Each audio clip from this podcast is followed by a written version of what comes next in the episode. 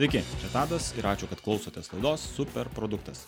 Šiandien svečiuose Rytis Laurinavičius, elektroninės komercijos marketingo automatizavimo platformos Omnisend, vienas iš įkūrėjų ir vadovų. 2021 m. kovo mėnesį Financial Times paskelbė tūkstantį sparčiausiai augančių Europos bendrovių ir Omnisend atiteko 87 vieta. Tad su ryčiu ir pasikalbėjome apie tai, kas įtakojo tokius puikius rezultatus. Taip pat labai išsamei ir detaliai rytis papasakojo apie Omnisen produkto kūrimo kasdienybę. Tikiuosi, jums pokalbis patiks. Gero klausimuose. Labas ryti, ačiū, kad sutikai skirti savo laiko. Senai matytas. A, tai, žinai, aš norėčiau pradėti nuo tokios priešistorės. Dabar yra Omnisend, prieš Omnisend buvo Soundest, o kas buvo papasakok prieš tai, kokios sėkmės ir nesėkmės. Tai labas, Tada, iš tikrųjų smagu matyti. Čia klausytam, kad mes su Tadu nuo seniai seniai esam pažįstami, dar ne, ne, ne, ne iš profesinės ryties. Tai iš tiesų labai, labai smagu pas tave būti ir sveikinu su podcast'o iniciatyva, kad tą darant, tai iš tiesų labai, manau, įdomi tema ir džiaugiuosi, kad Lietuvoje vis daugiau irgi tas formatas prigyja ir, ir vis daugiau kuriančių žmonių atsiranda. Tai o apie tavo klausimą, tai Jo, tai iš tiesų buvo daug įvairių bandymų prieš tai. Prieš tai tai Soundas buvo skaitminės rinkodaros agentūra, iš kurios gimė produktas. Pradžioje tai buvo tiesiog email marketingas, paprastas elektroniniai komercijai skirtas. Tu tuo pačiu pavadinimu agentūros veikiam kurį laiką, paskui jis transformavosi tai, kas yra dabar Omnisoundas, tai yra daugia kanalė. E, daugia kanalės rinkodaros automatizavimo įrankis tai pačiai komercijai, šita vieta, kuri nepakito. Jo, dar prieš tai, dar prieš tai iš tiesų tai turėjau įvairių įvairių verslų. Baigiau politikos mokslus, tai visiškai kelias vat, toksai iki, iki produktinės organizacijos, iki software service organizacijos, bet niekada nedirbau pagal, sakykime, profesiją. Tai yra, ne, nebuvau politologu ar, ar ten valstybės tarnautojų ir, ir, ir ganėtinai anksti turbūt kokiam gal trečiam ar antram kursė pasukau į verslą. Tai pats, pats pirmas verslas buvo tai, kas šiandien yra visiškai atgyvenę ir mirę, tai yra polifoninių melodijų kūrimas ir pardavinėjimas. Tai reiškia, tokie dar feature fonai, kai buvo, kai atsirado, kad ne tik tai vienas ten ringtonas, bet galėjai ten daina skambėti, tokių labai primityvių iš kelių ten natų. Ir, ir, ir, ir ekrano fonų kūrimas. Tai čia buvo toks pirmas verslas, kurį mane pasikvietė. Aš nebuvau ten idėjos autorius, bet mane pasikvietė kofoundinti tą, tą verslą. Tai, tai viskas va ten prasidėjo viskas ten prasidėjo, paskui dar buvo. Kaip vadinosi, jeigu nepaslaptis? Vadinosi pie, pie, Pietų parkas, taip, taip įdomiai ir mes ten tokius, reiškia, white labelinius darėme įvairius sprendimus ir ten, žinai, toks formatas tuo metu buvo paprastas, tu užsipirki ten spaudoji puslapį, tai, nu, nebuvo Onas, aišku, Onas ten karaliavo ir turėjo, nežinau, 90 procentų rinkos, nu, dar buvo kažkiek mažesnių, žinai, žaidėjų. Tai va, bet, bet mes ten white labelinom, su Omniteliu bendradarbiavom, kur tiesiog kūrėm jiem dalykus ir paskui jie ten savo brandą dėdavo ir toks labai gana paprastas modelis, žinai, įsiperki spaudoji ploto ir, ir reklamuoji, ir žmonės moka ten po kažkeli. Tiesą sakant, nebeatsimenu, kiek ten tų centų dar litais tikrai buvo. Tai va, nu čia pakankamai seniai buvo tas prieš, kad ir kaip baisiai man skambėtų, bet žinai, prieš 17 ar kažkiek tai tiek metų. Tai, tai va, po to, po to vėlgi sekė, sekė įvairūs, įvairūs verslai, buvo kažkiek tai prieš praeitą ar pakilimą ekonominį, per praeitą pakilimą ekonominį prieš 2008 metų krizę, e, dirbau kreditų unijoje, tada ten na, truputį spekuliavom nekilnojimų turtų, kur, reiškia, taip susikaupė šiek tiek pradinio kapitalo pagal, pagal, tą, pagal tą amžių, gal net ir, sakyčiau, visai nemažai. Nu ir tada atrodė, kad laikas užkariauti pasaulį ir daryti kažką globalaus. Nes jau čia, va, tai jau žinai, kaip pinigas daromas iš serijos, kaip verslas daromas. Ir, ir buvo pirmas startupo bandymas, tai vadinosi tas dalykas Trinex, tai mes sodinom, mes pardavinėjom ekologiškas atvirutes ant ekologiško popieriaus, spausdintas ir panašiai, ir, ir už kiekvieną jų parduotą dar sodindavom po fizinį medelį. Tai, tai buvo toks premium produktas. Labai graži idėja. Graži idėja, tikrai. Dabar tokių yra tikrai nemažai ir visai nemažai verslai iš to tapo, nu, tokie socialiniai, žinai, su, su, su idėja, bet, bet tuo pačiu ir verslas. Tai galbūt buvo per anksti šiek tiek ta idėja, tai panašu, A, pati idėja gal biškai per anksti, B, mūsų gebėjimas įgyvendinti idėjas globalių mastų buvo tikrai nepakankamas tuo metu ir, ir tikrai trūko supratimo, žinių, patirties, bet buvo labai labai gera mokykla, taip sakant, tai, ką pavyko uždirbti, uždirbti prieš krizę, tai tą, tą čia ir sėdėjau. tai, tai pamoka buvo brangi, bet aš tikrai labai džiaugiuosi. Labai džiaugiuosi tą pamoką, nes tikrai labai daugybę dalykų išmokė. Ir net, jei, net ir dėl to, net ir jei nepavykus, bet iš esmės turbūt įnešė tikėjimo, kad nu, galima iš Lietuvos kurti globalius verslus. Ne, ir, ir tas yra įmanoma, ne, net nepaisant to, kad mums nepavyko tą kartą. O sakyk, ko, su kokia pagrindinė, nežinau, nesėkmės ar priežastis, gal ne priežastis, bet pamoka bent jau, kurią išmoka, ne kurią paskui taikai, vad, sakykime, kitose versluose tai turbūt reiškia ten buvo tokia pagrindinė pamoka kad vėlgi tas mes per daug įsivaizdavom tą skai skaitmenizavimą žinai ten toks buvo labiau fizinis produktas ir iš tiesų tas fizinis produktas mes turėjom vienu metu ten iš dvidešim parduotuvėlių nedidelių kalifornijoj kurios pardavinėjo mūsų atvirutes ir taip toliau tik mes įsivaizdavom kad tai bus labiau toks na skaitmeninis verslas kuris kuris e, galėsim, reiškia, daryti online ir prekiauti online, bet mums ta vieta nepavyko. Ir netgi ten buvo tokia socialinio tinklo mintis, va, žmonėm, kuriem rūpi, reiškia, sustainability ir panašiai, kad jie galės ten bendrauti kartu ir taip toliau. Čia buvo dar prie Facebook laikai, bet, žinai, bet kaip tik, kai mes tą darėm, atsirado Facebookas, nu, jisai taip po truputį pradėjo visus nušlavinėti. Tai tada, aišku, supratom, kad, na, čia kažkoks specializuotas, na, čia buvo MySpace laikai ir, ir panašiai, ir specializuotas tinklas One, draugiam ar draugams lietuviškai ten buvo, neberots. Tai, um, tai ir tada supratom, kad nu, to mūsų socialinio tinklo čia niekam nereikia, žinai, ir kad tai yra labiau analoginis verslas, nei skaitmeninis verslas, tai yra, reiškia, vat, nu, tikrai spausdinamas atvirutės ir būdamas fiziškai Kalifornijoje, tu gali visai tokį galbūt ir nemažą verslą iš to užsukti. Žinai. Bet tai nebuvo tai, ko mums norėjosi. Tai, tai, tai turbūt, vat, vat, vat, ta turbūt tokia, žinai, pamoka. Tai apskritai pamoka, žinai, kad, kad įmanoma, pabandžius, kad nu, nepataikėm su, su, su to, ką mes, ką mes norėjom, bet, bet kad, kad iš esmės yra, yra, yra įmanoma žinai, daryti dalykus. Tai turbūt tas paskatino patikėti. Tai va, paskui, paskui, paskui dar buvo nu, kitas startupo bandymas, jau turint, bet, bet ir, ir taip mes išsivystėm į skaitminės rinkodaros agentūrą nes tiesiog kadangi mes matėm, kad čia bus skaitmeninis verslas, ar mes manėm taip, tai turėjom, susirinkom savo developerius, susirinkom savo ten, dizainerius, program, nu, programavom. Ir tada, žinai, nu, va, turim gerų žmonės, bet, bet kaip ir nebereikia. Ir ką daryti, nes kaip ir matai, kad tavo tas e, verslo bandymas važiuoja žemyn. Tai taip pasižiūrėjom, kad kad yra nu problema agentūrų, kurios kuria ten svetainės ir panašiai, kad nu jos nesilaiko terminų. Tai mes su tokiu vadresiu pažadu, kad vat, mes esam tie, kurie padarysim laiku. Kaip pažadėjom, taip ir padarėm. Kad nu didžiausias pain iš kliento pusės yra, kad užsako developmento darbus ir viskas vėluoja daugybę mėnesių. Tai, tai reiškia, mes atėjom su tokiu pažadu į rinką, kad vat, mes padarysim tą laiku. Tai pradžiai ten vadinamės barbecue, tada vat, į soundas persivadinom ir taip toliau. Tai, tai ta agentūra vėlgi buvo visai, ką žinau, žinai, gal netoks ir blogas verslas ten buvo, tik tai, kad ambicija buvo labai kitokia, jis buvo lokalus, lietuviškas, ten bandėm išeiti į užsienį, tai yra Latvija ir Estija. Turėjom klientų visai gerų, žinai, ten Coca-Cola per tris Baltijos šalis buvo, ten Nike buvo per tris Baltijos šalis ir panašiai, tai, tai kaip ir visai, visai gal būtų geras verslas, bet ne, svajonė buvo ne ten. Tai o svajonė buvo kažkokį turėti globalų verslą. Jo. Kokio dydžio kolektyvas buvo? Mes turbūt buvom iki 15 užaugę. Tai nedidelis, bet jo 15, 15 man atrodo.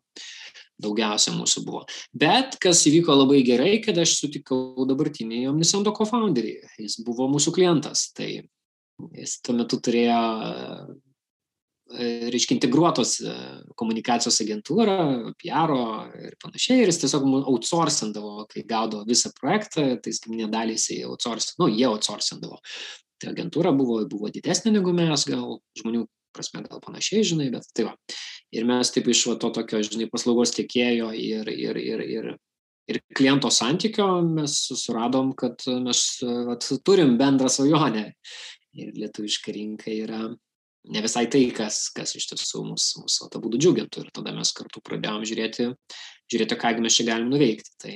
Su Soundesu viskas gerai buvo, vadinasi, nes Soundesas galėjo gyvuoti ir galbūt kažkokiam pavydalė gyvuoja. Ir ta prasme, ne, tai a, tas pivotas, man įdomu, va, ta, ta pasikeitimas. Čia ambicija buvo varomasis e, vis dėlto veiksnys labiau, ar sakykime, tikrai, vat, kad e, konkurencija vietinė kažkokia įstumėt ir galvojat, nu vis tiek riba tik dangus ir panašiai. Jo, tai iš tiesų buvo, buvo ambicija, taip, taip. Ne, tai jis, jis gyveno ir, ir tikrai ten, taip, žinai, visai buvo ir, ir pelninga ir visa kita, ir tu galėjai tikrai labai neblogai gyventi, viskas su to tvarkoj buvo kaip su verslu, bet, bet žinai, vis buvo neramu. Kažkaip tai neramu, kad, kad norisi kažko tokio, va, žinai, tarptautinio. Tai a, čia gal toks, žinai, pavyzdys, aš mm, dalyvau dalyvau vienuose mokymuose, ten vat, vėl prieš kažkeliolika metų ir, ir ten buvo, nu, jau, jauniem verslininkam, taip sakyčiau, ir, ir reikėjo parašyti vat svajonę, kur nori, kad tavo verslas būtų po dešimties metų. Tai ir aš ten parašiau, kad aš noriu, kad mano, kad mano klientų ofisuose nenusileistų savo. Tai, tai čia taip, žinai, toks rom, romantinis galbūt aspektas, bet turbūt tai yra tai, kas, žinai, nuvaro į priekį iki šiandien. Tai dabar tai yra realybė, iš tikrųjų, mano klientų ofisuose, nu mūsų klientų, Nisendo ofisuose nenusileidžia saulė, nes tikrai turim ten iš 140 kažkelių šalių, bent po vieną mokantį klientą, tai, tai tikrai tai iš, vis, iš viso pasaulio. Tai, bet jo, bet nu, tas, tas turbūt ir buvo, va, tas, žinai, va, varomas, kad kažkaip tai norėjosi kažko daugiau. Ir žinai, ir tada, kai tas kažko daugiau, tu pradedi galvoti, ką tu būdamas Lietuvoje iš tiesų gali nuveikti globaliai, neturėdamas pažinčių, neturėdamas kontaktų ir panašiai. Na ir taip atrodė, kad va, produkto kūrimas, a, nu, sasas kaip tik tuo metu dar vis kilo, dar, dar, dar, dar pirmoji sikčių banga buvo, dar tikrai buvo labai daug softo, kuris yra dėgiamas į, į, nu, į tavo kompiuterį ir sasas dar nebuvo toks standartas, kaip šiandien yra. Tai, tai kažkaip, kad to produkto kūrimas yra galbūt va, tas kelias, kur, kur mes turim čia Lietuvoje gerų, gerų inžinierių, žinai, gero talento, jeigu sugebėsim išnešti į didesnį rinką, tai mes nu, potencialiai galim tokį verslą iš tiesų padaryti globalų. Tai, tai va toks buvo racionalus pasirinkimas, ką čia daryti. O kaip kilo ta mintis, ta prasme, kad būtent vat, naujienlaiškų marketingui, tai yra digital marketing agentūra, tai Soundesas dabar primink, ar specializavotės tik tai naujienlaiškų marketingą, ar apskritai buvo digital agentūra? Digital buvo bendrai, ne? Mhm, tai kaip, kaip va, tas fokusas atsirado į naujienlaiškus? Man įdomus, o ne, va, tas toks pivotas, sakykime, ne, va, turite agentūrą ir dabar, nu, nėra taip tiesiogiai, kad, aha, dabar darysim, ar tai buvo tuo metu toks aktualus, nu, toks tiesmukas sprendimas? Kaip tai atrodė tada? Turbūt reiškia du, dvi dalys. Tai viena yra e, per, per reiškia, va, ankstesnė, ten 2008-2009 metų finansinė krizė, iš tiesų labai daug būmino šiaip bendrai naujienlaiškių tulsų. Nes taip paaiškėjo, kad, na, tiesa, kuri visada yra aiški, tik žmonės per ekonominius pakilimus, o verslai pamiršta ją, kad išlaikyti esamą klientą yra gerokai pigiau negu pritraukti naują. Na ir e, elektroninis paštas kaip kanalas iš tiesų jis yra, na, to vadinamo retention marketingo arba, net nežinau kaip lietuviškai vadinti, bet tai yra retention marketing įrankis, kur tu bendrauji su esamais klientais.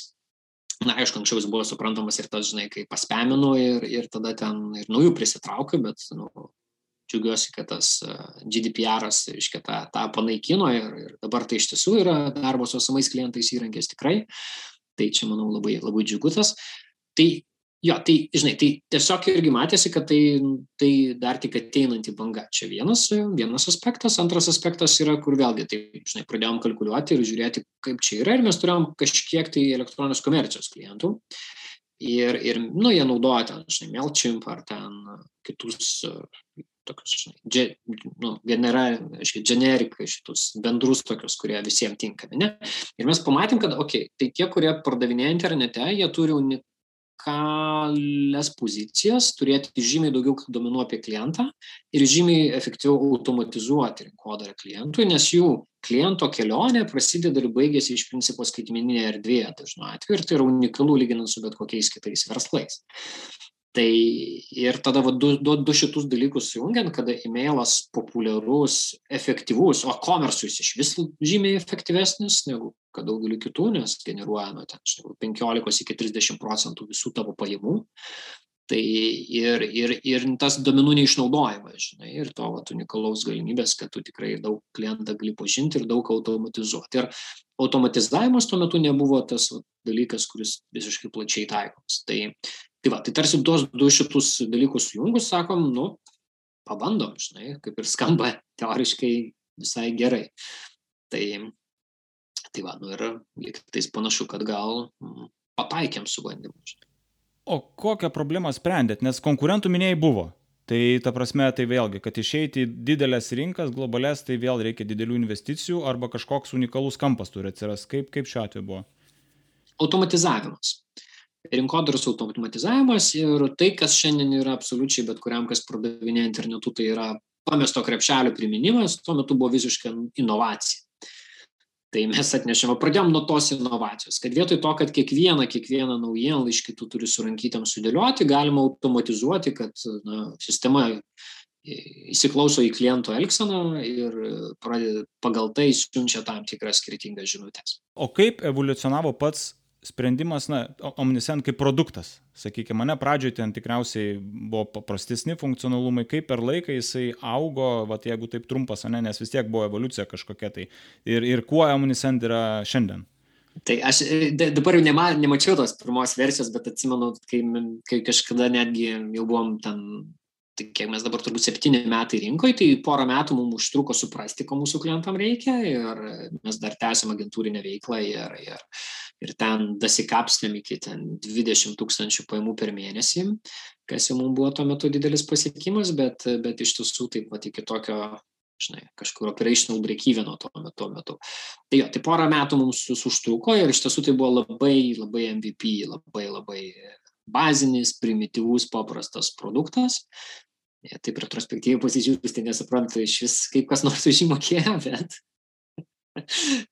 bet, bet aš lygiai taip pat e, advokatauju, bet kuriam, kas, žinai, tik tai pradeda kurti, tai, tai yra geriausias būdas, nes, ta prasme, paleis beleką, kreivo, šleivo, turėsi ten milžinišką černą, pabėginės nuo tavęs klientai ir panašiai, bet tu jau gausi kažkokių tai įrodymų, kad reikia rinkai arba nereikia rinkai.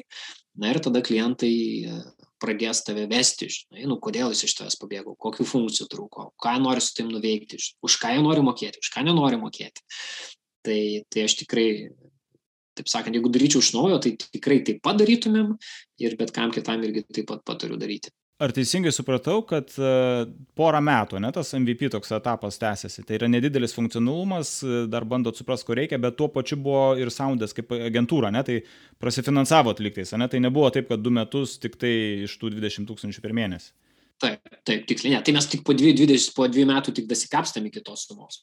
Tai žodžiu, turėjot lašinio šiek tiek, ne, tokio, ir, ir tada bandėt. E, taip, užtruko. Tai kaip, kaip atėjo tas supratimas papasakot, tas, vat, ko reikia klientam, kaip, kaip tai darydavote, ne? Tai yra vienas dalykas, kas yra klientas, kaip, nu, minėjai, kad e-komercija, bet gal geografiškai, gal ten kažkaip kiti dalykai, kokius pamatė dalykus, kad ko trūksta, ko reikia ir, ir paskui kokie buvo sprendimai per produkto prizmę, tai yra ką pridėti, ką atimti. Sakyčiau, supratimas tai atsakysiu tą klausimą, tik dar pafilosofuosiu prieš tai, kad man atrodo supratimas, ko reikia klientui, tai yra toks nesibaigintis procesas, žinai, jis, jis netėjo ir jis niekada neteis, nes klientas evoliucionuoja, rinka evoliucionuoja, konkurentai evoliucionuoja, žinai, ir ta poreikiai labai keičiasi ir nuolat, ir, ir žvėriškai greitai keičiasi. Tai, bet tas pirminis supratimas, už kurį jau klientai buvo linkę mokėti, už kurį buvo klientai linkę mokėti, tai atėjo, na, iš tiesų, nu, žinai, klausant jų ir, ir bendraujant su klientais. Ir vėlgi tai, ką, ką klasika vadovėliai sako, žinai, nu, do what uh, doesn't scale initially. Ne? Pradžioje daryk viską, bendrauk su klientais, padėk jam, pat supporting. Ir, ir panašiai, ir labai daug, labai daug informacijos ateina, labai daug supranti. Ir, vat, kas, kas jūs džiugina, kas jūs nedžiugina, ko jam trūksta ir, ir kokie iš tiesų yra tavo klientai, nes čia vat, yra du pjūviai. Vienas dalykas, tai tu neteisingą pjūvį pasirinkęs kliento, tu gali sakyti, man visada visko trūksta ir, ir tas mano produktas dar labai nebaigtas ir aš čia turiu įsidaryti į požemį ir dar du metus kodinti ir tada atnešiu gerą produktą rinkai. Nu, po dviejų metų rinka bus pabėgus toli ir čia tik save apgaulė, manyčiau. Bet lygiai taip pat tu gali atrasti, kas tavo va, tas MVP, ar ne, ką, kokia, kokia auditorija jisai tinkamas. Ir ta auditorija evoliucionuoja. Žinai, mes irgi, mes pradžioje pradėjome su savo pažadu, kad mes esame, reiškia, dead symbol email marketing solution. Tai yra tik emailas ir mes esame žiauriai paprasti pradinukai. Jeigu tu pasileidi pirmą savo elektroninę parduotuvę, tai, nu, vat mes to esam tinkami. Yra paprasta naudoti, aišku, mažai funkcijų, bet lengva. Tai, va, tai čia buvo, žinai, pir, pir, pirma, pirma versija tiek kliento, tiek supratimo apie jį. Bet tai tolydžio įtiruojantis ir nėra geresnio būdo, kaip iš tiesų na, klausyti savo kliento. Vėlgi, kuo daugiau klientų, tuo tam tikrą prasme sudėtingiau tada tą daryti. Ne. Kita vertus, pati pradžia vėlgi yra labai sudėtinga, nes tu gali na, įkliūti spastus, kai tu pradedi klausyti vieno, dviejų didžiausių savo klientų, bet iš tiesų na rinkoj tokių po tokio poreikio nėra ir tada tu užsisuki iš esmės kai tu produktą vėl apipini servisu ir taip ir negimsta tikra produktinė organizacija. Ir, ir tada tu customizuoji, kodas tampa iš techninės pusės nebepakeliamas, hekas ant heko, klientui A, klientui C, klientui D, ir ir ir reiškia nu tu tikrai nesifokusuoji į skeilinimą ir suradimą daugiau tokių klientų kurie linkę tau mokėti už tai ką tu pasiūlai o ne už tai ką tu teoriškai galėtum jiem pakastamizuoti tai turbūt va šitus du iššūkius reiškia klausyt klientų bet tuo pačiu įsivertinti ar ar ar ar čia reikia vienam ar čia reikia visiem tavo esamiem arba būsimiem klientam. Tai tai žiūrint iš dabartinės perspektyvos suprantu, kad jums pavyko ne, įsiklausyti reikiamus klientus ir neprisikastamazinti, ko nereikia, bet kaip, kaip, kaip ta prasme jūs susifokusavot, nes tikiu, kad, nu, plečiat geografijas, ne, tai atsiranda klientų. Ar jūs, kas jūs vedė? Viziją kažkokią turėjot, ar, ar nu, vat, kaip subalansuota, ne? nes kiekvieną darbo dieną tai vis tiek reikia kažkaip tai apsispręsti, kaip daryti. Tai buvo, ar čia griežtas pasakymas, turim viziją, einam čia ir tada vedam klientus, Ar, ar tiesiog e, papasakau plačiau? Mm, derinys. Turbūt derinys, tai va, kai, kai jau pradėjo ten veikti tas email marketingo įrankis, e, vėlgi, na, konkurencija buvo didelė ir, ir yra didelė, bet, bet buvo, buvo turbūt, nu, dar, nu, kaip čia pasakyti, mūsų dydis buvo mažesnis, tai jinai dar tokia sunkesnė atrodė konkurencija, tai, žinai, ir, nu, tai, ai, tu esi Mailchimpas, o tu kuo skiriatės Mailchimpas? Toks buvo. Ir mes, nu, realiai, nu, nėra to USP, ką, ką, ką tu pasakytum. Nu, tu ten per kažkokius featureus, vienu kitu feature, bet, nu, realios velų ir tai vėlgi buvo pamoka, kurią teko išmokti tikrai per, žinai, šimtą kartų papičinus ir supranti, kad, nu, neįdomu niekam ten tas vienas ar dviejų featureų skirtumas. Bet tu turi iš esmės, nu, kitokią vertę, absoliučiai kitaip turi supozicionuoti. Tai va, na ir tai, tai tada, nes, aiškiai, tiesiog vėlgi proaktyviai ieškojom mūsų to pozicionavimo. Tai taip gimė daugia kanalės rinkodaros vizija, kad na, omnichannel yra tai, kokia bus elektroninė komercija ateityje, kad klientas galės pirkti per skirtingus kanalus, gražinti per skirtingus kanalus ir patyrimas turi būti daugia kanalas. Aiškiai, jeigu pati komercija bus tokia, tai rinkodara jos irgi turi būti daugia kanalė. Tai, va, tai čia, čia buvo tas vizijos dalis, bet vėlgi, nuo vizijos iki realaus daugia kanališkumo ir daugia kanalės rinkodaros automatizavimo atspindėjimo įrankyje, nu tikrai praėjo ne vieneri metai reiškia viziją, kurią tu turi, kurią tu komunikuoji jau, bet, reiškia, tuo pačiu kasdieną, numatydamas tą tikslą, ne, tu turi kelią, bet tuo pačiu kasdieną priimi va, tokius operatyvinius taktinius sprendimus, kurie jau tada grįsti, žinai, klientų pageidams. Tik vėlgi, tai kai yra tada klientų kažkokia tai feedbackas, tai tu va jį žiūri, ar jisai su tavo vizija sutampa ar nesutampa. Ir jeigu jisai sutampa, tu be abejo jį prioritizuoji. Nu, ir tada, žinai, sakykime, yra ten šimtas vienetų klientų, 50 prašo A, 50 B prašo B, ne?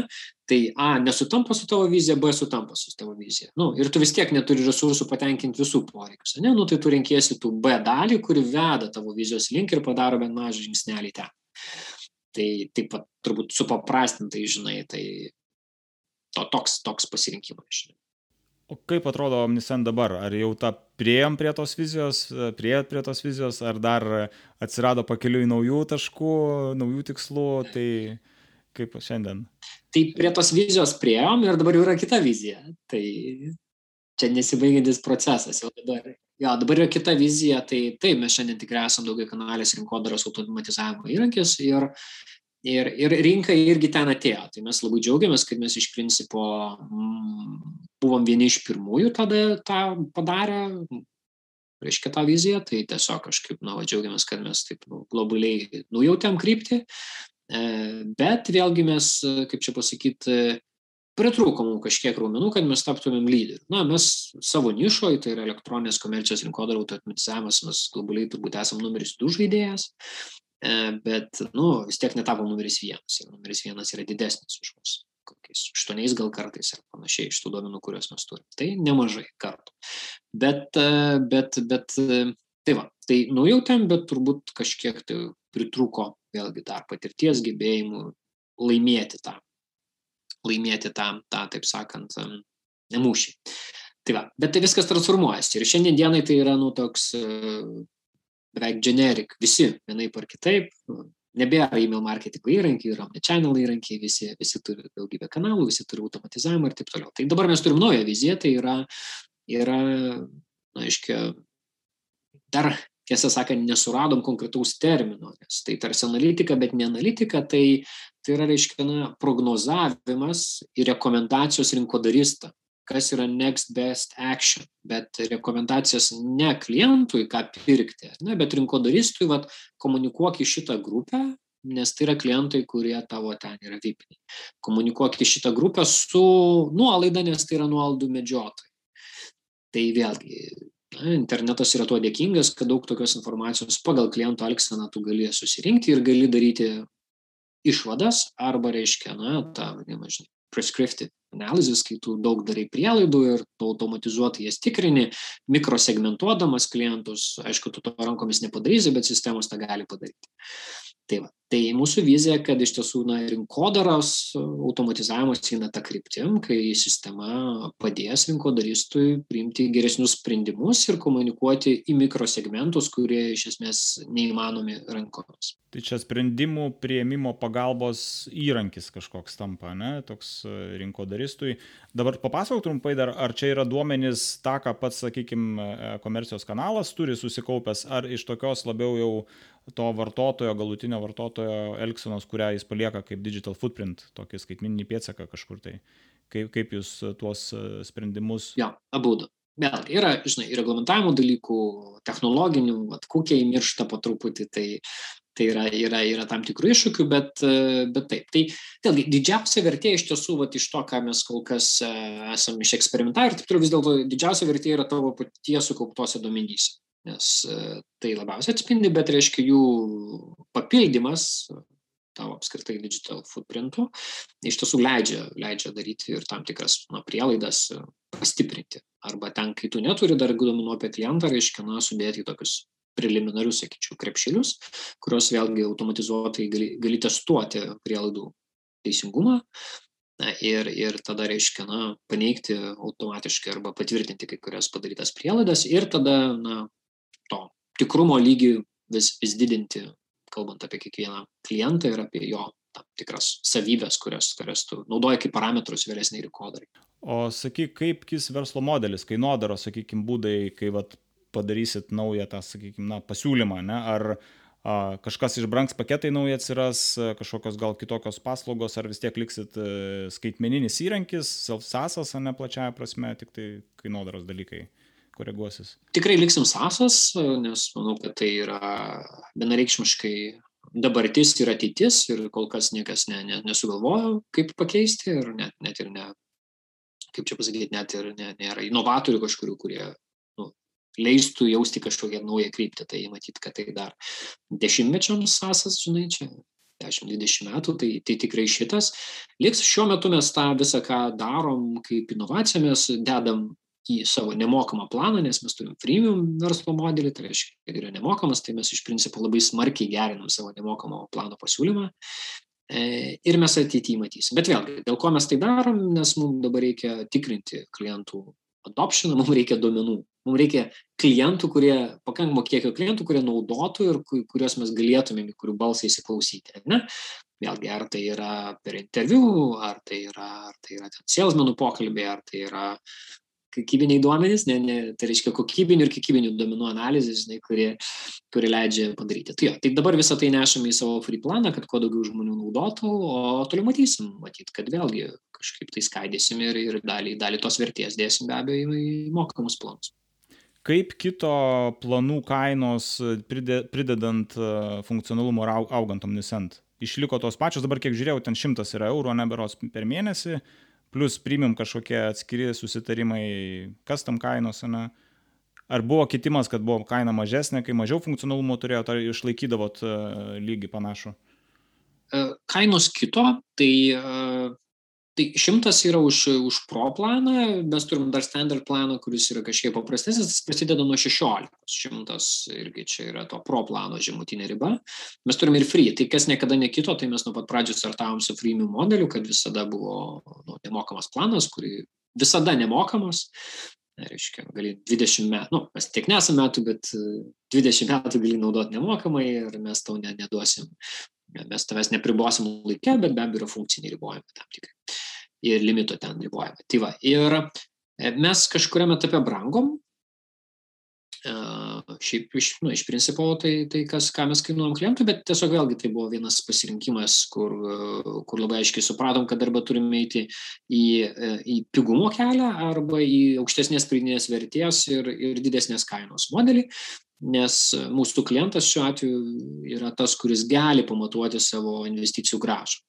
Tai return on investment yra labai aiškiai pamatuojamas ir tai tam tikrą prasme yra dėkinga rinka, nes na, tada yra viskas yra investicija, o ne išlaika. Taip, tai na, Jeigu, jeigu mes sugebam sukurti didesnį, aukštesnę pridėtinę vertę, tai klientas yra linkęs mokėti daugiau. Na ir mes pasirinkome šitą kelią, kad mes esam, norime eiti tuo ne, ne pigumo keliu, bet aukštesnės pridėtinės vertės ir tuo pačiu didesnės kainos keliu. Tai, tai, tai buvo, reiškia, etapų, kur, kur brangsta, o šiaip daugiau mažiau kainos pokyčius mes kokį kartą per metus padarom, vienokius ar kitokius. Bet ne, ne, ne, ne drastiški tikriausiai, ne? Nu, kiek, kiek yra, vat, jeigu kalbant apie SASą, B2B sprendimus, kiek gali kisti kaina, kad uh, išlaikytum klientus, kad ne, nebūtų didelio nubirėjimo, kažkokią turi tokią vat, taisyklę? A, žinai, viskas priklauso nuo, nuo stikinės ir kiek tu giliai vat, lokiną padarai klientų. Tai mūsų pavyzdys kaip kliento, ne interkomas, nu, įrankis, kurį turbūt yra girdėję, bet kas, kas kuria produktus arba ir daug kas naudojasi. Tai interkomas mums vienu metu pabrango keturis kartus. Nei daug, nei mažai kovo kainavo suma X, balandį kainavo 4X. Ir ką? Nu ir mes likom. Spjaudėmės, keikiam. Negerai žodžiais juos vadinom, žinai, bet likom. Ir po to pakilimo praėjo turbūt gal porą metų ir vis dar likom. Tai va. Tai žinai, kiek, vėlgi, kokia yra, kokia, kokia yra konkurencija, kiek tu esi commodity, matyti vienas aspektas, kitas, kiek tu giliai įeini į klientą. Ne, tai va, iš mūsų pačių, tai sakau, koks va, interkomas, koks nors stripas, uh, payment gateway, nu, neišmesi jau. Neišmesi. Arba tiesiog, vėlgi, turi pabrangti tiek, kad tavo, tau atsipirktų kaštai pakeitimų. Tai va. O jam, o, žinai, iš jų pusės žiūrint, tai vėlgi, iš jų pusės žiūrint, tai, nu gerai, jie pabrango keturis kartus, jie gali sauliaisti prarasti pusę klientų ir jie vis tiek turės dvigubai didesnės pajamas. Papasakok vat, šio vieto apie konkurentus. Minėjai yra numeris vienas, Melčimpas čia tikriausiai, ne? Kaip, kaip sekasi ir ką reikia daryti, kad konkuruot su to, tokio dydžio žaidėjais? Koks čia receptas? Uh, niša sakyčiau, niša. Tai yra. Ir dabar MailChimpas nebėra numeris vienas konkurentas, jis dabar yra didžiausias mūsų klientų donoras. Tai, tai yra toks Klavijo, kuris yra didžiausias mūsų konkurentas. Tai, žinai, MailChimpas ne 8 kartus už mus didesnis, jie ten 7-800 milijonų metinių pajamų organizacija. Jie ir plačiau tikriausiai yra, ne, ne vien jie e-commerce, ne, nu jie. Tai pat vėlgi, konkurencija su MailChimpu buvo iš tiesų, uh, iš tiesų buvo niša, tai yra e-commerce. Vėlgi, dėl to, kad MailChimpas yra visiems, tai tu reiškia counter positionę į save ir sakai, kad mes esame e-commerce ir iš tikrųjų tu kuri didesnę pridėtinę vertę tai, tam segmentui. Tai va, dabar mūsų, mūsų, mūsų konkurencija su didžiausiu konkurentu yra gerokai sudėtingesnis naudotis. Taip, galbūt tu gali daugiau išgauti, bet vėlgi mes orientuojamės į SMB segmentą, kur nuo pat pradinuko, kur su mumis labai lengva, lengva pradėti ir tikrai su mumis gali aukti. Ir mes orientuojamės į, na, tokias kai mes tai vadinam, nimble marketing teams, tai yra, kur žmonės turi daugiau atsakomybių negu tik vieną. Ir, ir mums nėra mūsų target klientas tie, kurie ten, nežinau, yra penki žmonės atsakingi už email marketingą, yra data analitikai, yra ten kontento žmonės ir panašiai. Tai čia ne mūsų klientas, viskas gerai, jis gali eiti pas konkurentus. Tai, va, tai mes iš tiesų na, tuo paprastumu naudoti ir, ir gerai integruotais kanalais. Tai yra du mūsų unique value propositions šitoje vietoje, kad gerai integruoti kanalą. Tai e-mailas, SMS, web push notifications. Tai mes turim unikalų pasiūlymą rinkoje, kad mūsų naudodamasis neprivalai turėti elektroninio pašto kaip unikalaus identifikatoriaus asmenį. Visi kiti konkurentai tą turi, kad tu turi, privalai turėti mailą ir tada ant viršaus gali turėti telefonų numerį, gali turėti pušus ir panašiai. Tai va.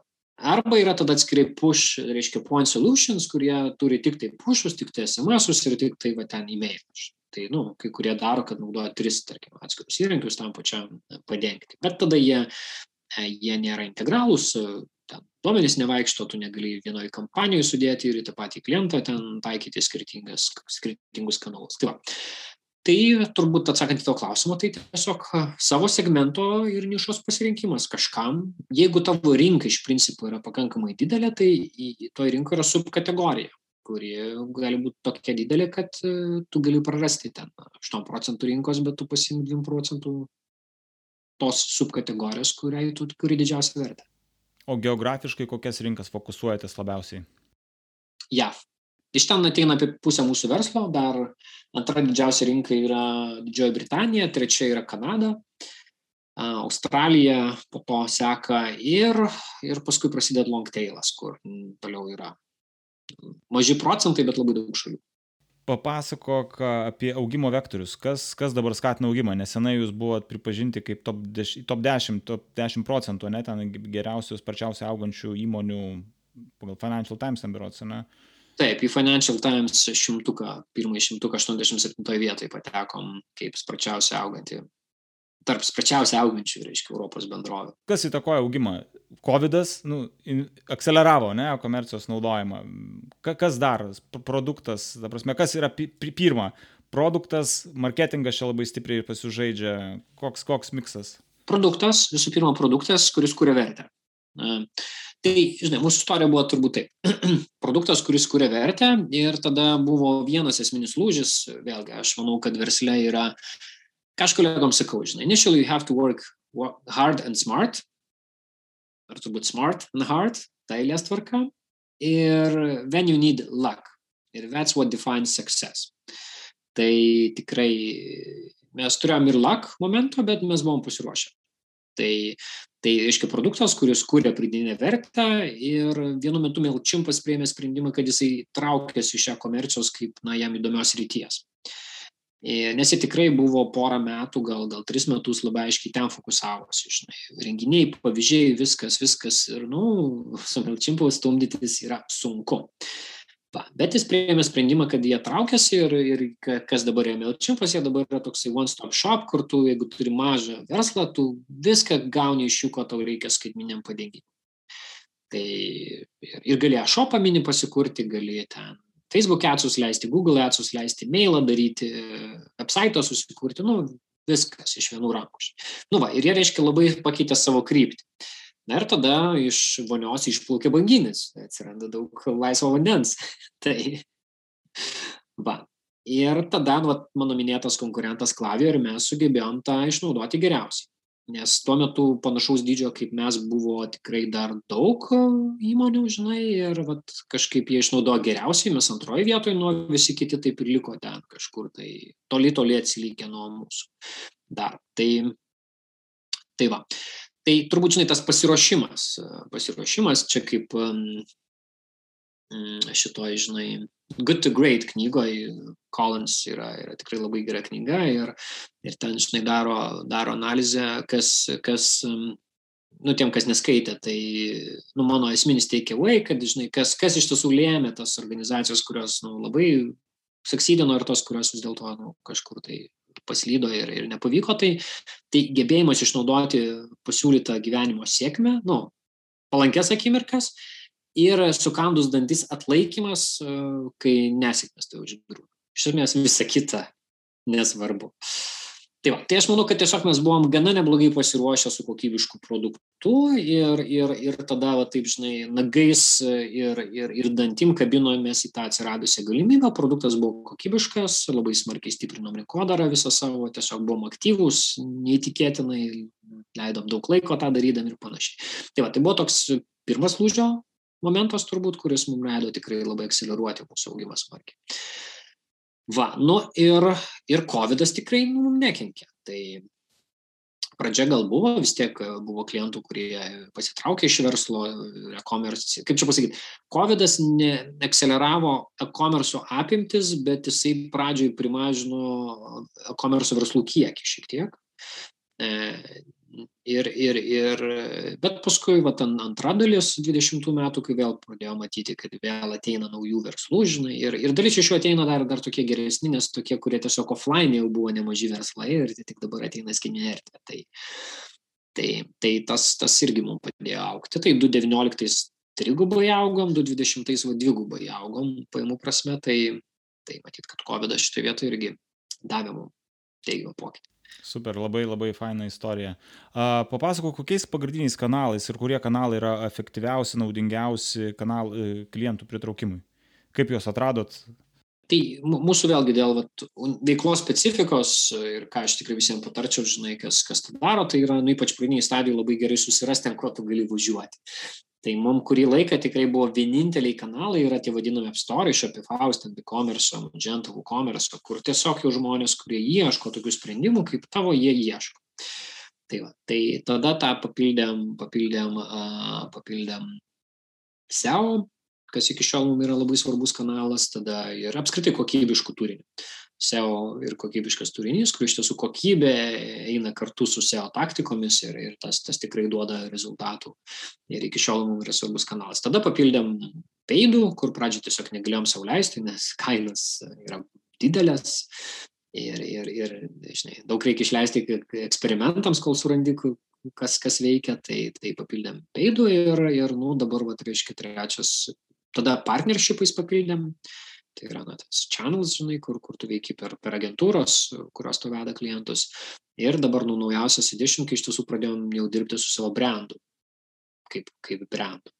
Kad mes nu, būtumėm ne tik tai, kad, žinai, atpažįstami, bet ir iš tiesų kurtumėm tam tikrą emociją klientam. Tai čia vat šių 20 metų sausio 1 startavo atskiras, žinai, skyrius brand marketingo. Tai. Čia labai gera pamoka, kad pay, pay kad peidas e, nebūtinai turi būti pirmas, ne? nes iš tikrųjų brangus yra malonumas tikriausiai.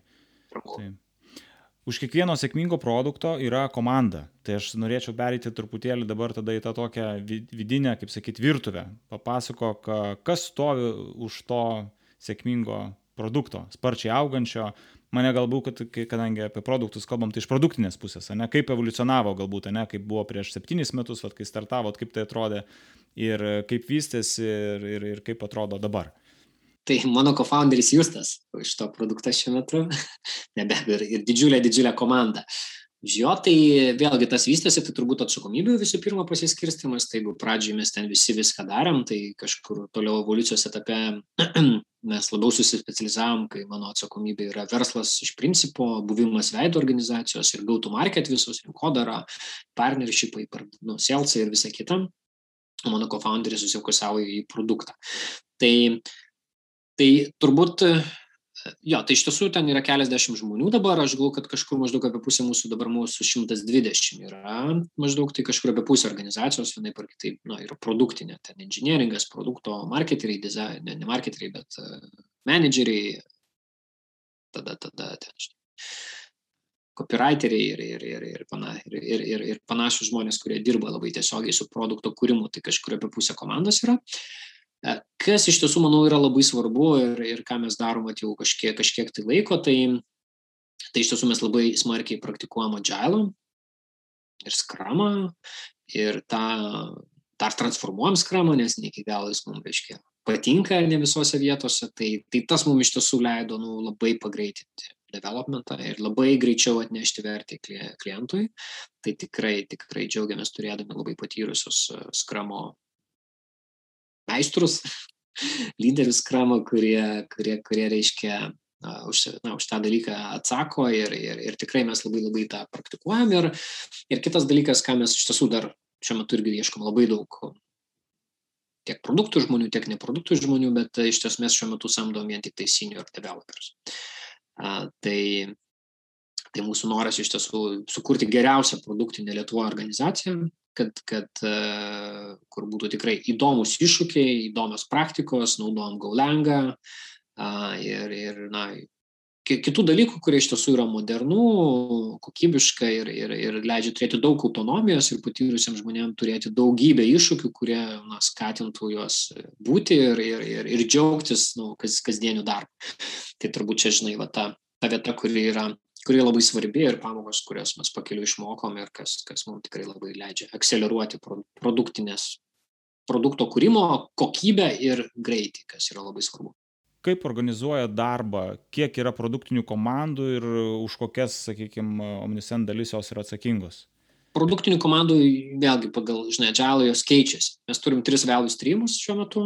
Tai yra, yra, yra na, growth, kuris tiesiog orientuotas ten, žinai, mokėjimus ir konversijas klientų ir taip toliau, yra omnichannel, kuris dengia visus kanalus ir yra vat, tas na, analytics dabar vadinam, tai ką pasakiau, kas veda mūsų vizijos link. Tai, va, tai po to value streamų iš tiesų yra komandos yra gana dinamiškos, arba netgi sakyčiau labai dinamiškos, kad, na, jos turi savo atsakomybės, bet lygiai taip pat, jeigu mes kažkokį ketvirtį turėdam kitur prioriteto organizacijos lygių, kad mes norim, nu, vat, vienaip ar kitaip pasileisti kažką, ar tam tobulinti kažką, ar panašiai, tai komandos yra perskirstamos ir labai labai dinamiškai tas vyksta. Tai, tai tokio, kaip čia pasakyti, baigtinio kiekio ir, ir kai komandos auga, vėlgi jos, žinai, dalinasi, kaip ten tos lastelės, piški auga ir vėl dalinasi ir taip toliau. Tai e, tiesą sakant, aš nežinau, kiek šią minutę mes turime komandų. ja, bet aš manau, kad tai gal yra septynios gal kažkur produktinės komandos, bet vėlgi, pavyzdžiui, yra dabar sujungtų komandų, nes yra tiesiog didesnis projektas, nu, didesnis projektas ir tam, kad turėtumėm greitį, mums neužtenka, ir, bet jos laikinai yra sujungtos E, sujungtos ten, žinai, trim mėnesiam dabar ir, ir mes pasieksim tam tikslus tikslus ir vėl jos grįž prie savo, prie savo reiškia, na, buvusio susiskirstimo. Tai, tai va tas turbūt dalykas, žinai, tas dinamiškumas ir, ir gebėjimas vat, perskirstyti. Tada mes organizacijoje, per visą organizaciją naudojam OKRs kaip, kaip prioritizavimo metodiką, mums tas e, irgi labai, labai patinka, mums metus kažkur užtruko suprasti, kaip naudoti Dabar mums atrodo, kad mes jau supratę, bet greičiausiai po metų vėl sakysiu, kad mums du metus užtruko suprasti, kaip naudoti. A, tai, tai va, tai, tai, tai turbūt taip. Ir žinai, ir, ir tas komandų autonomiškumas, vėlgi, ką, ką, mes, ką mes labai norim, siekiam, tai kad būtų duomenimis pagristi sprendimai, kad kiekviena komanda turi savo, savo ten dizainerį, QA žmogų, kad e, frontenderius, backenderius, kad jos iš tiesų gali veikti autonomiškai, ir jos neturi laukti, kol kitos komandos kažką padarys, arba, žinai, interdependencies mažinimas yra va, tas labai strateginis tikslas, kurio siekiam kiekvieną dieną. Jeigu tik toks atsiranda, žiūrim, kaip jį galima eliminuoti. E, Ryti, dar norėčiau prioritetų klausimą, tai palies, tai yra kaip organizacijoje vyksta, ne? nes klientų daug yra, komandų irgi nemažai, nu, okei, okay, trys yra kryptis, tai dabar tų poreikių irgi atrodo labai daug turėtų kaip jūs dienos pabaigoje nusprendžiat, kad darysim X, o ne Y, prioritizuosim A, o ne B ir panašiai. Kažkoks, kaip, kaip tai atrodo? Aš suprantu, turi tikslus, bet labiau, va, taip, kaip sakyt, nežinau, labiau būtiškai, ne kaip, kaip iš tiesų tai atrodo. Tai um, Tai viskas prasideda nuo kero. Ne? Ir galiausiai va, 20, 21 metų pavyzdys, mes turime tris kryptis, kurios ateina iš mūsų objectivo vieno, tai yra mainstreaminti savo sistemą ir reiškia, turim va, tris kompanijos lygio key resultus, tai na ir tris kryptis, kuriamis dirbam. Ne? Tai pirmas yra per visą organizaciją, yra top of a funnel, tai yra didinti registracijų kiekį, antras yra gerinti konversiją, trečias yra mažinti čerų. Tai va, tai reiškia, kiekvienas produktinis sprendimas turi irgi reiškia, kontributinti ir, na, dirbti į vieną iš šitų krypčių.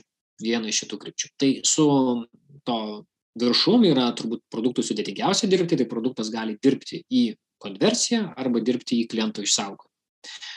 Tai va, žinai. Ir tada, vat, pradeda darytis aiškiau, kad na, mes turime iš klientų, na, apie klientų išsaugomą pakalbėkime. Mane tai yra, yra nice to have funkcijos ir yra funkcijos, kurių neturėjimas lemia tai, kad mes prarandam klientus. Va, tau jau vienas pjūvis.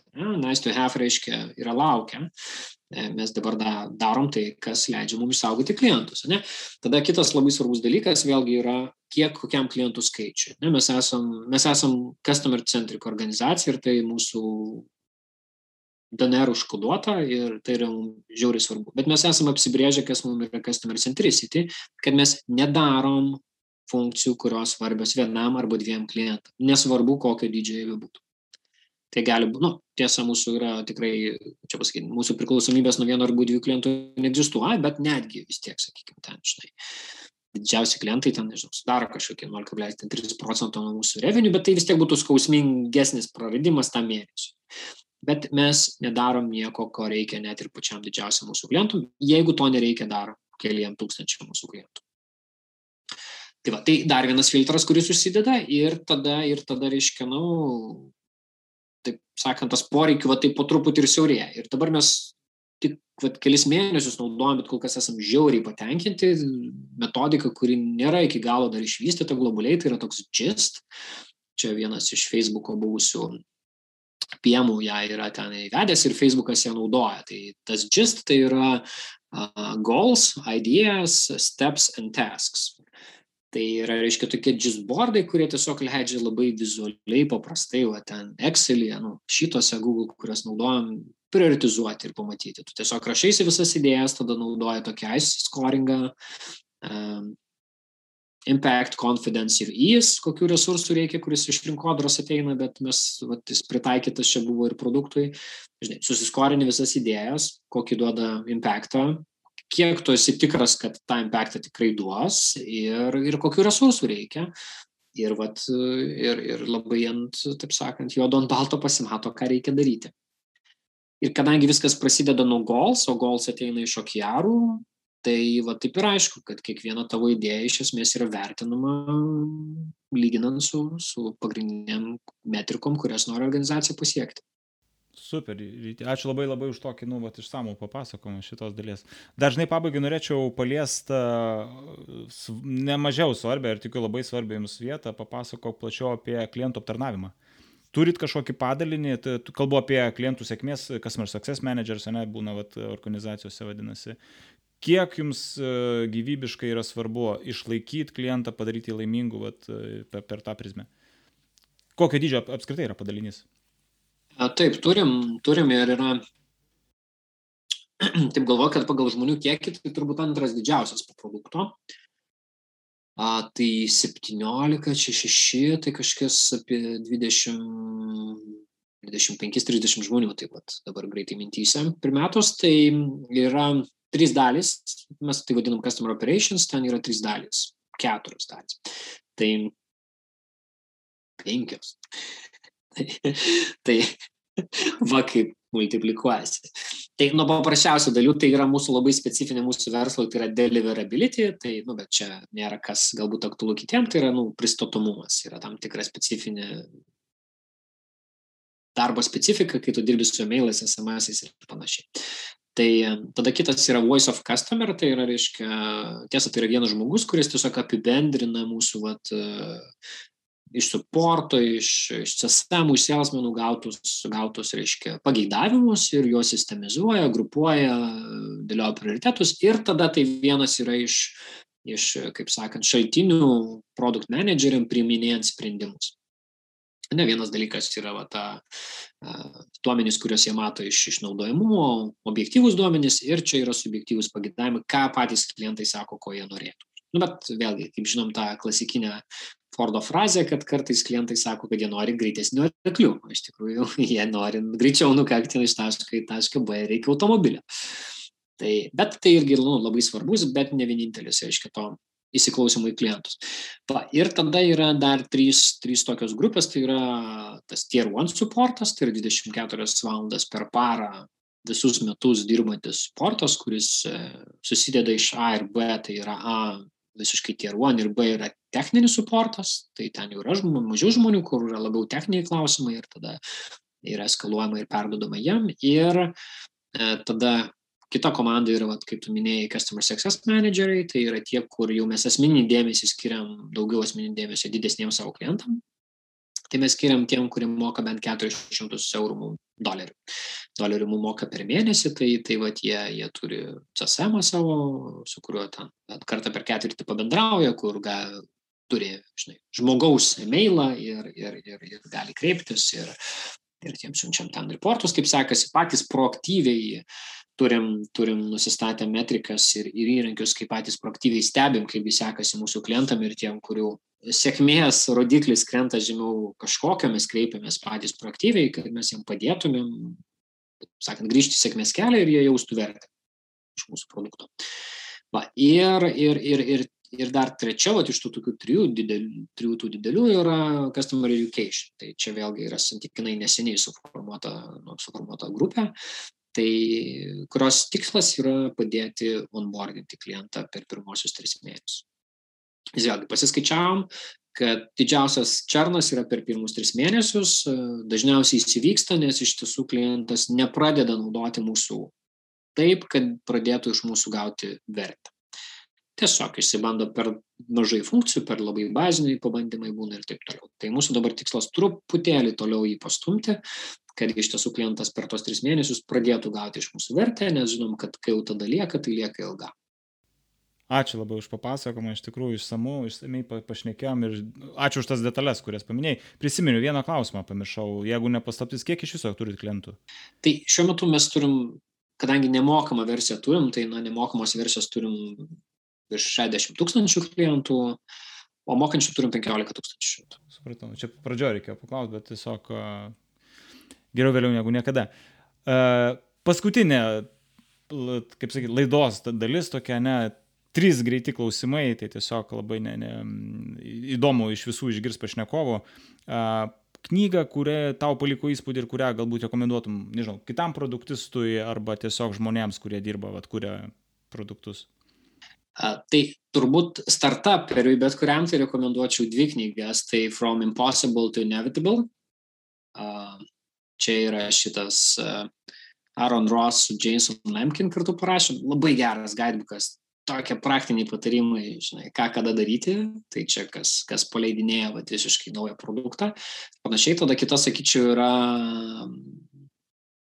Horovico knyga Hard Thing About Hard Things. Čia, nu, tiesiog, nieks, visi kalba apie sėkmę, žinai, o kiek, kiek iš tiesų pakeliui tu suvalgai, nu, šve, Tai, tai va ta knyga, kur apie tai kalba ir kad tu nesi unikalus ir, žinai, sukandęs dantis varyk ir, ir, ir to irgi labai reikia. Tai, o produktistų, tai sakyčiau, va dabar skaitau, tai labai patinka ir man irgi rekomendavo, va, reiškia, iš mūsų produkto pusės, tai Doing Agile Right.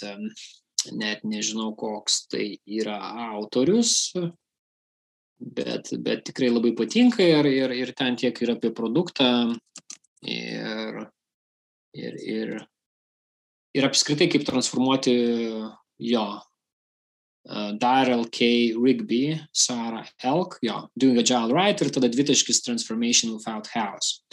Taip, toks tikslus tos knygos pavadinimas. Tai tikrai rekomenduočiau visiems produktistam ir organizacijų vadovams, kurios, kurios reiškia, produktiniam organizacijom vadovauja, nes ten tikrai labai daug yra apie vadybą, yra, yra apie tą agile požiūrį į vadybą. Super, net trys knygos. Uh, antras klausimas, tavo kasdien darbė naudojami įrankiai? Chartmogul yra toksai, stebėti pajamom, černų ir panašiai. Tai čia mano daugiausiai naudojamas. Žinai, kas paradoksalu, tai um, kitas dažniausiai, mano, arba turbūt dar dažniau naudojamas įrankis, tai yra dabar Google Workspaces, man atrodo, vadinasi, ne? G Suite buvęs ir šitai uh, mailas ir, ir kalendorius. Ir, ir pabaigai tada paskutinis klausimas, tavo patarimas jau tikrai konkrečiai produktistui, produkt manageriui. Kuo daugiau iteracijų daryti. turbūt čia būtų pagrindinis patarimas. E, kuo mažiau samšinų ir kuo daugiau bandymų. Ir tada, tada tikrai atrasi, ko, ko klientam reikia. Ir, ir, ir reiškia, nu, daugiau tų. Mažiau, mažiau neįlinimo, greitesnis išleidimas į rinką, bet ko funkcijos, subprodukto, paties produkto, dar kažko. Ir, ir tada jau tikrinimas su realiais klientais ir realiais duomenimis. Čia su tą mintim, kad gali daug galvoti, bet tik tai klientai pasakys, ne, tai realiai išbandė kažką, tai reikia, nereikia, todėl reikia greitai. Būtent, būtent. Ta prasme, kuo daugiau iteracijų, tuo tiksliau, tuo, tu, tuo tavo kompasas rodo tiksliau. Ta prasme, mes, mums visiems atrodo, kad mes viską žinom, bet mes negalime nežinom. Reikia daryti. Pritariu. Ačiū Ryti, buvo labai smagus, detalus pokalbis, ačiū labai, linkiu sėkmės ir iki, gal pasimatysim tikrai kažkada tai ir, ir fiziškai, ne, ne tik per kamerą ir mikrofoną. Neišvengiamai tada, ačiū labai iškvietimą.